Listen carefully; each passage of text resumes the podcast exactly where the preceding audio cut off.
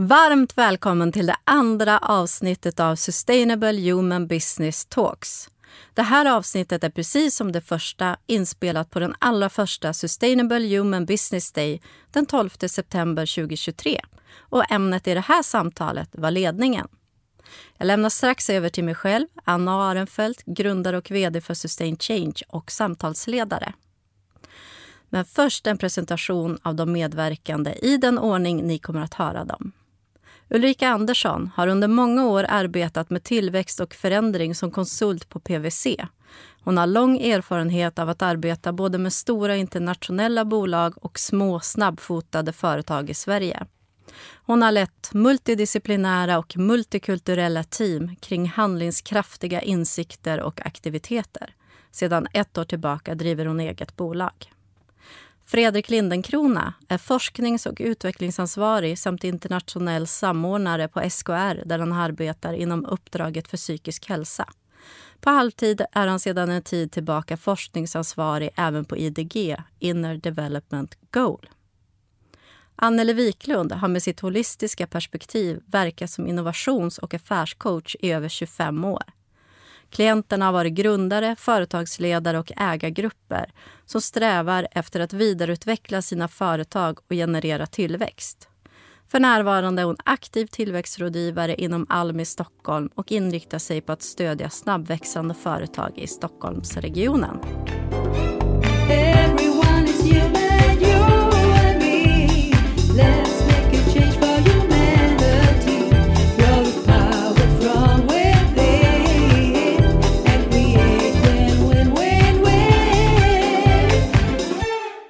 Går ingen vidare för Sverige. Ohälsa, sjukskrivningar, personalomsättning och bristande medarbetarengagemang gör hela samhället ineffektivt och deppigt och sjukt faktiskt.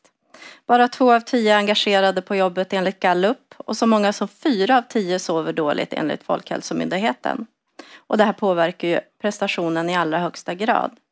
I det här samtalet så kommer vi att fokusera på ledningens roll, ansvar och möjligheter i förhållande till den här faktan.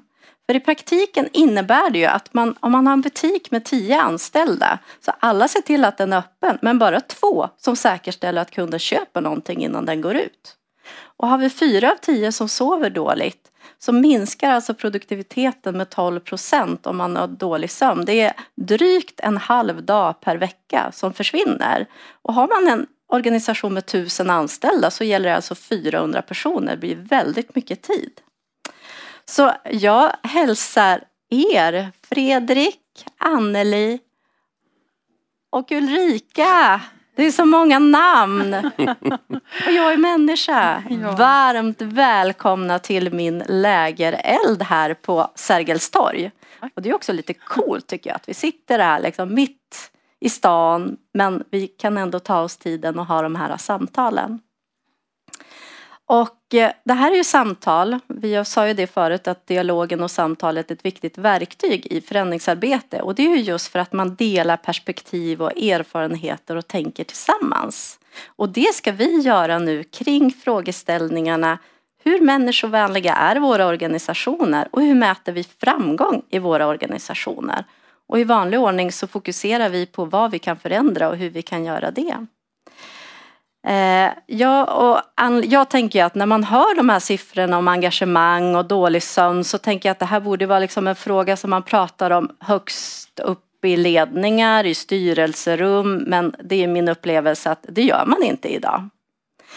Eh, och eh, det är andra nyckeltal som styr, det är sista raden och så vidare. Och det är ett väldigt kortsiktigt perspektiv medan vi behöver tänka långsiktigt nu och ta in det här med människorna. Men hur kommer det här sig att man liksom, varför tar man inte tag i den här frågan? När man sitter som, som ansvarig, det kan ju vara både för skattemedel och det kan vara för eh, aktieägares avkastning. Vad säger ni? Jag tror det ligger mycket i det sista du sa, aktieägarnas avkastning. Eh, eller ägarnas avkastning, ledningens avkastning. Att man hela tiden tittar på att maximera det och då blir de nyckeltalen det viktigaste för att eh, ja, det är lite ni var inne på tidigare, att effektivisera, optimera och se till att göra saker och ting snabbare och med min, liksom mindre kort, kostnad. Kortsiktiga ja, liksom, aktie, aktiekursen hela, som... Exakt, hela vår ekonomiska modell är uppbyggd på att det ska vara kortsiktigt och det ska vara mycket tillväxt. Men det är inte mm. hållbart i längden egentligen. Jag verkligen håller med om det. Jag hade förmånen att följa ett antal eh, investerare lite nära och titta. Och det var spännande att se också i de här olika rundorna hur affärsänglarnas synsätt var gentemot när det sen blev lite liksom större siffror och större sammanhang. Där affärsänglarna verkligen såg de här frågorna som centrala för att om det knackade ihop sig för eh, gruppen som skulle starta det här så var det ingenting att hoppas på att det blir en verksamhet. Så de hade ett väldigt mycket tydligare aktivt synsätt, i alla fall de jag hade möjlighet att skugga. Eh, Medan det är klart att när det blir mer distans och lite längre där borta och kanske kortsiktigare engagemang så är det liksom en annan typ av Excel sheets-tänk som liksom ändå synliggörs där. Så det tycker jag är spännande att det är liksom olika investerare i olika faser och kan olika, olika saker. Mm. Det ser ju jag också i min roll som tillväxtrådgivare att man hamnar ju väldigt lätt i de här ekonomiska, finansiella och liksom operationella nyckeltalen och, och diskuterar det väldigt djupgående och vill sätta upp de här så man får liksom ett engagemang.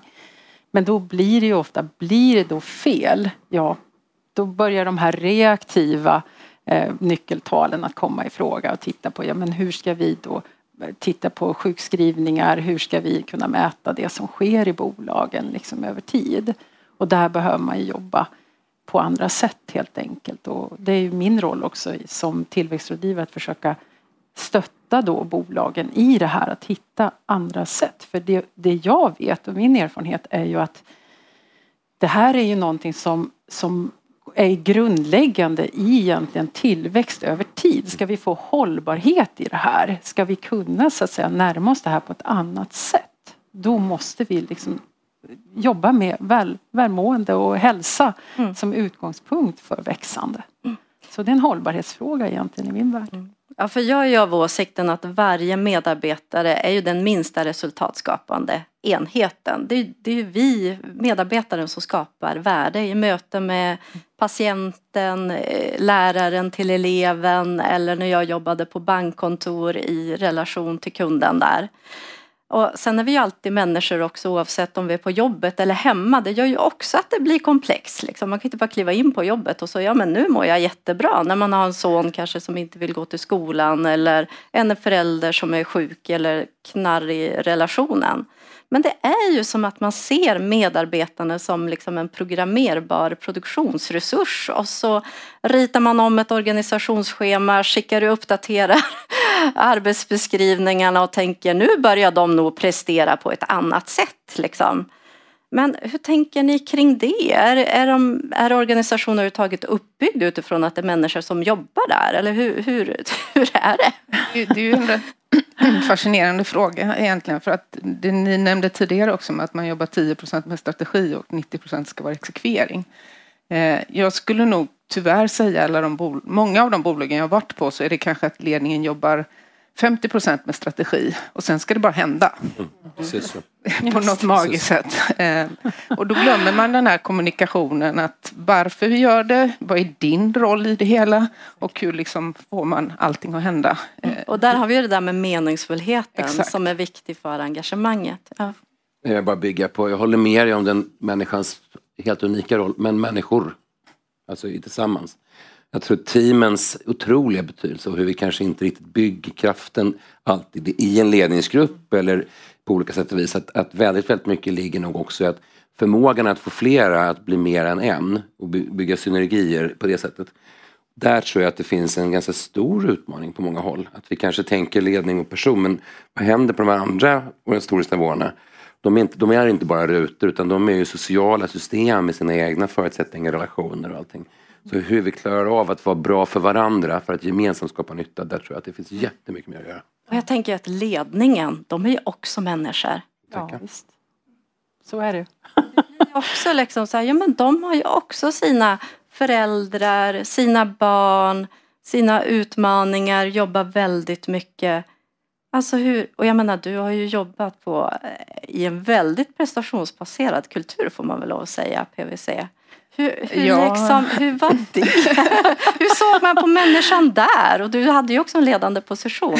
Ja, den har förändrats som tur är mm. över tid. Men det är ju en, och det skulle jag vilja säga alla partner eller konsult men framförallt partnerägda eh, bolag eller firmer.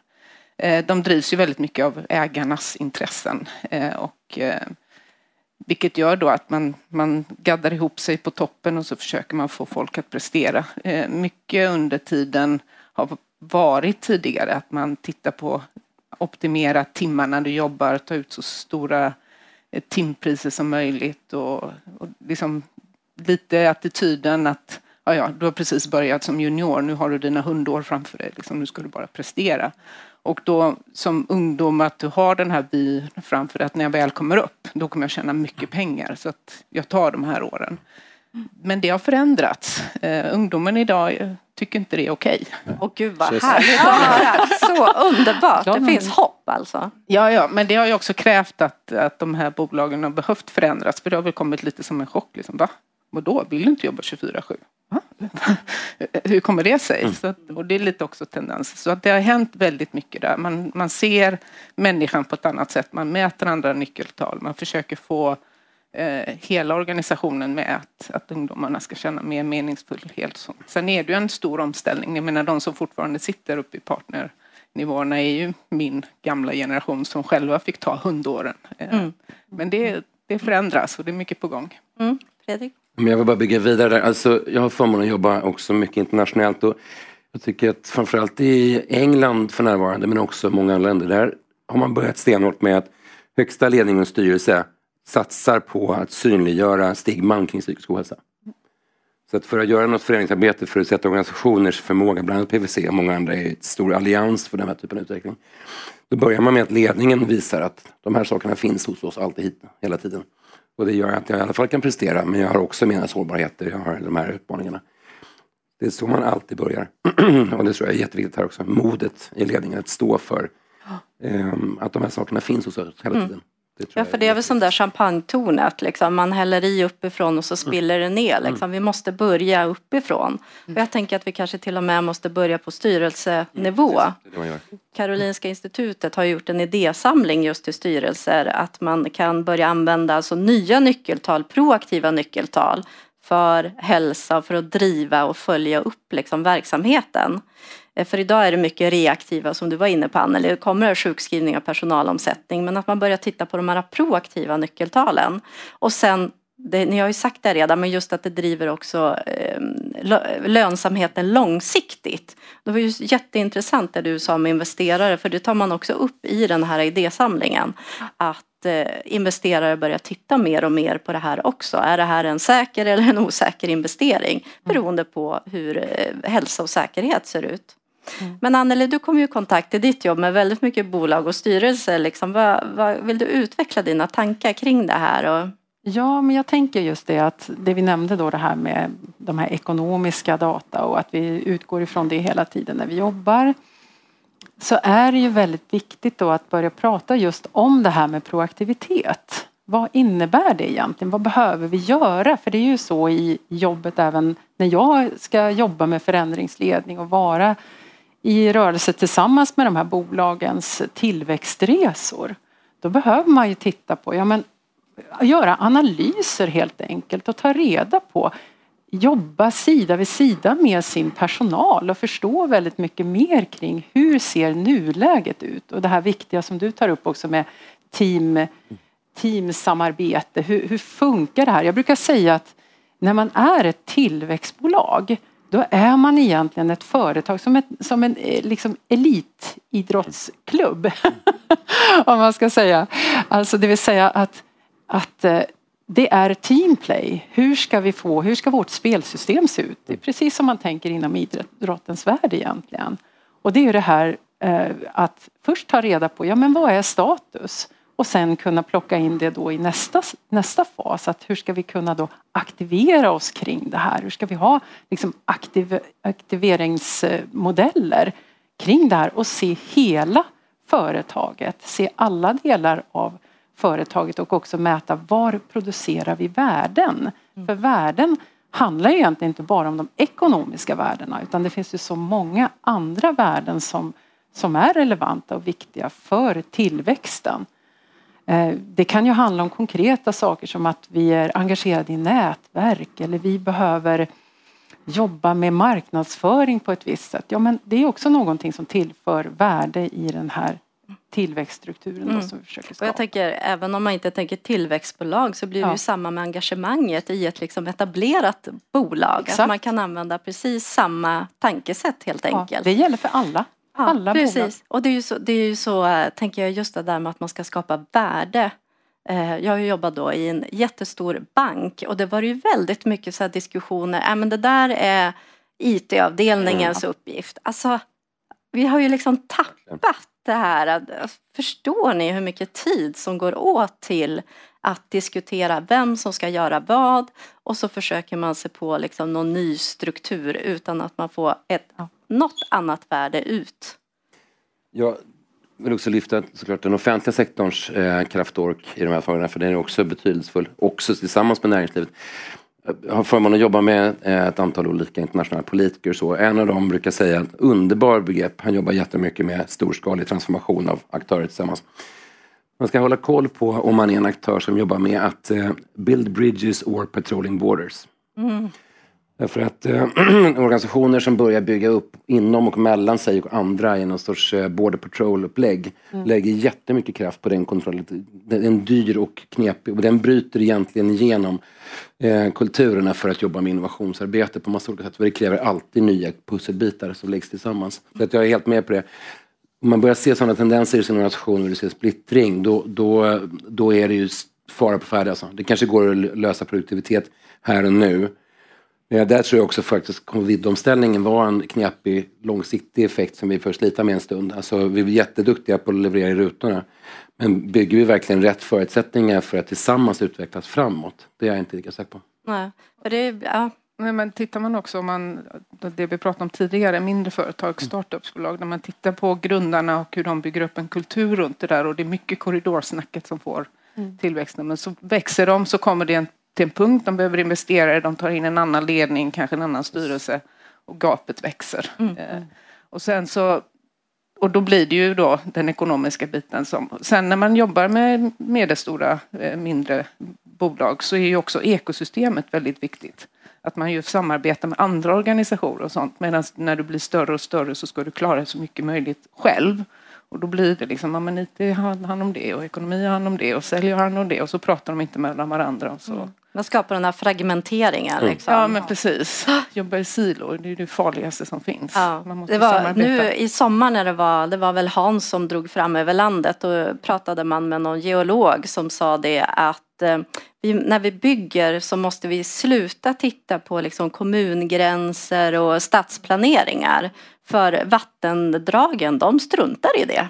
Ja. det tyckte jag var så himla bra och det är lite ja. samma sak i organisationer faktiskt. Mm. Men jag måste passa på att fråga dig Fredrik mm. när du är här, mm. för du jobbar ju inom uppdraget för psykisk hälsa på SKR. Och vad är liksom trenden om vi fortsätter att göra som vi gör? Ja, det är en bra fråga. Eh, jag tror man får dela det på två sätt. Idag kostar, om vi ser psykisk ohälsa och den typen av, jag tycker det är otroligt bra begrepp med engagemang för det är ett mycket vidare och bättre men det är egentligen samma sak. Eller bristen på engagemang möjligen då som ligger i det där. Men då vet vi att det kostar för 5 av BNP, 200 miljarder per år och hälften av de pengarna grovt till, liksom, ligger på arbetsgivarna. Vi har inte råd att inte göra någonting rätt här. Alltså det är helt uppenbart att det knäcker orken för med mycket. Så att du har en, en, en samhällsekonomisk effekt som är påtaglig där. För människor är det ju naturligtvis etiskt, alltså det är ingen tvivel om att vi har en grundläggande mänsklig rättighet är att få förutsättningar för psykisk hälsa och välbefinnande tillfredsställda. Så att den plattformen är där. Går vi, tar vi ut i tangentens riktning så finns det egentligen två vägar att gå ska jag säga. Och jag, tycker att, jag vill gärna slå ett slag för att man använder begrepp som eh, engagemang och annat som passar i sammanhanget av ett yrkesliv. Eh, psykisk hälsa är jättebra, den definitionen är precis rätta.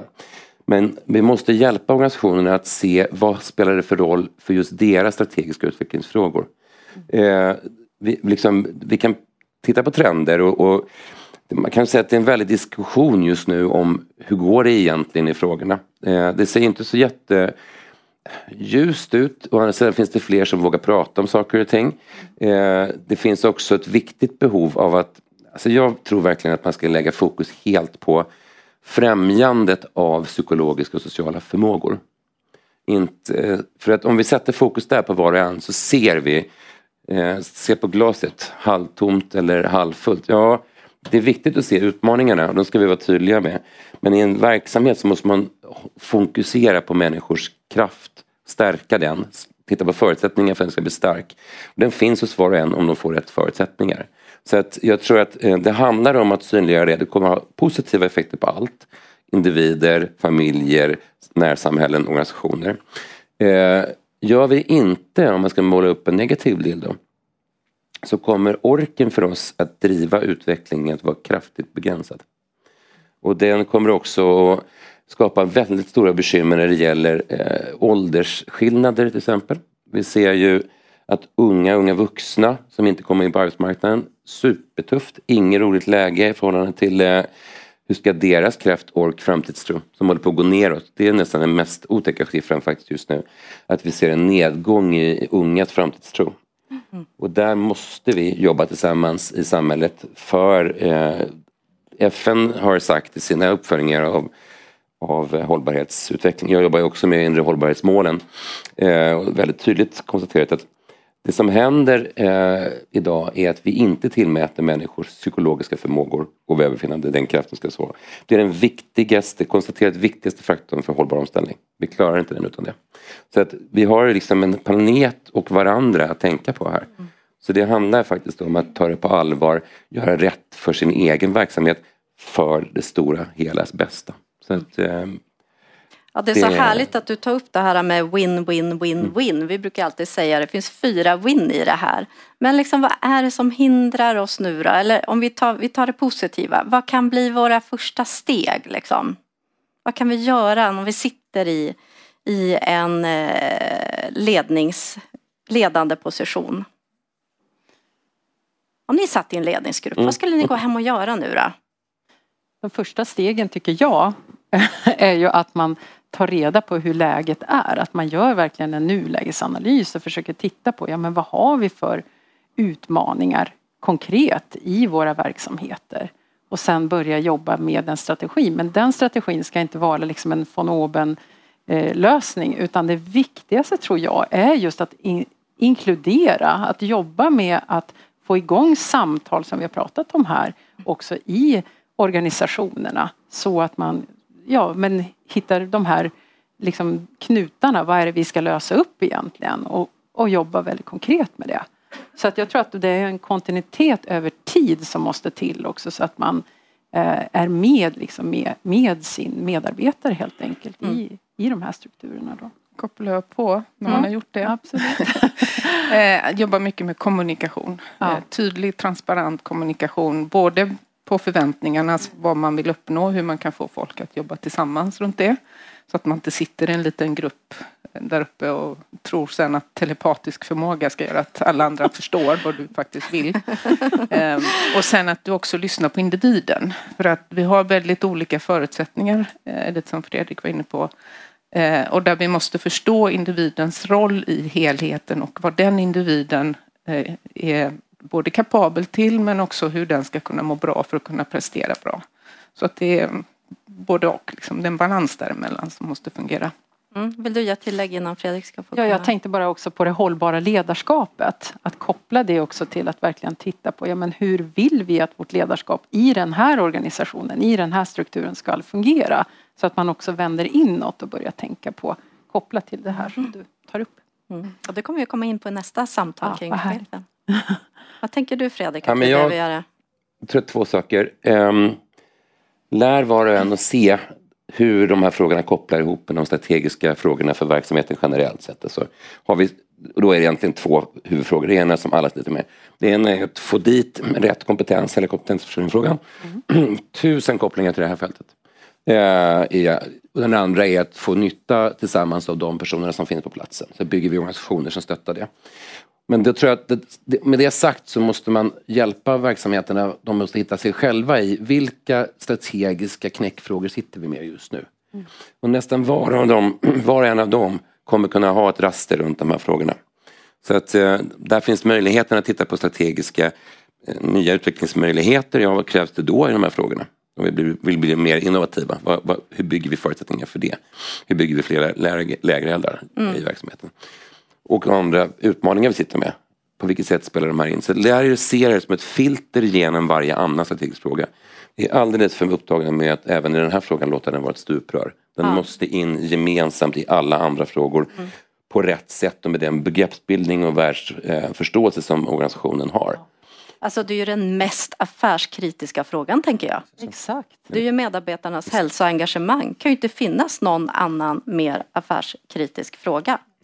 Ja, förutom det så kan man ju inte bygga vidare heller för man säger har man inte det hur ska man då få till liksom, motivation, hur ska man få till engagemang, det här som vi nämnde. Alltså det, det är jättesvårt. måste man kunna med. Och en, får jag säga en sak till? Ja, en sista, ja. Lär ordentligt av varandra mellan organisationer. Ja. Det är det vi ska starta här nu, det här stora nätverket. För jag tänker att man kan, alltså att sätta sig ner och diskutera om den minsta resultatskapande enheten i vår organisation är människan. Vad innebär det för oss som sitter här uppe som ledning?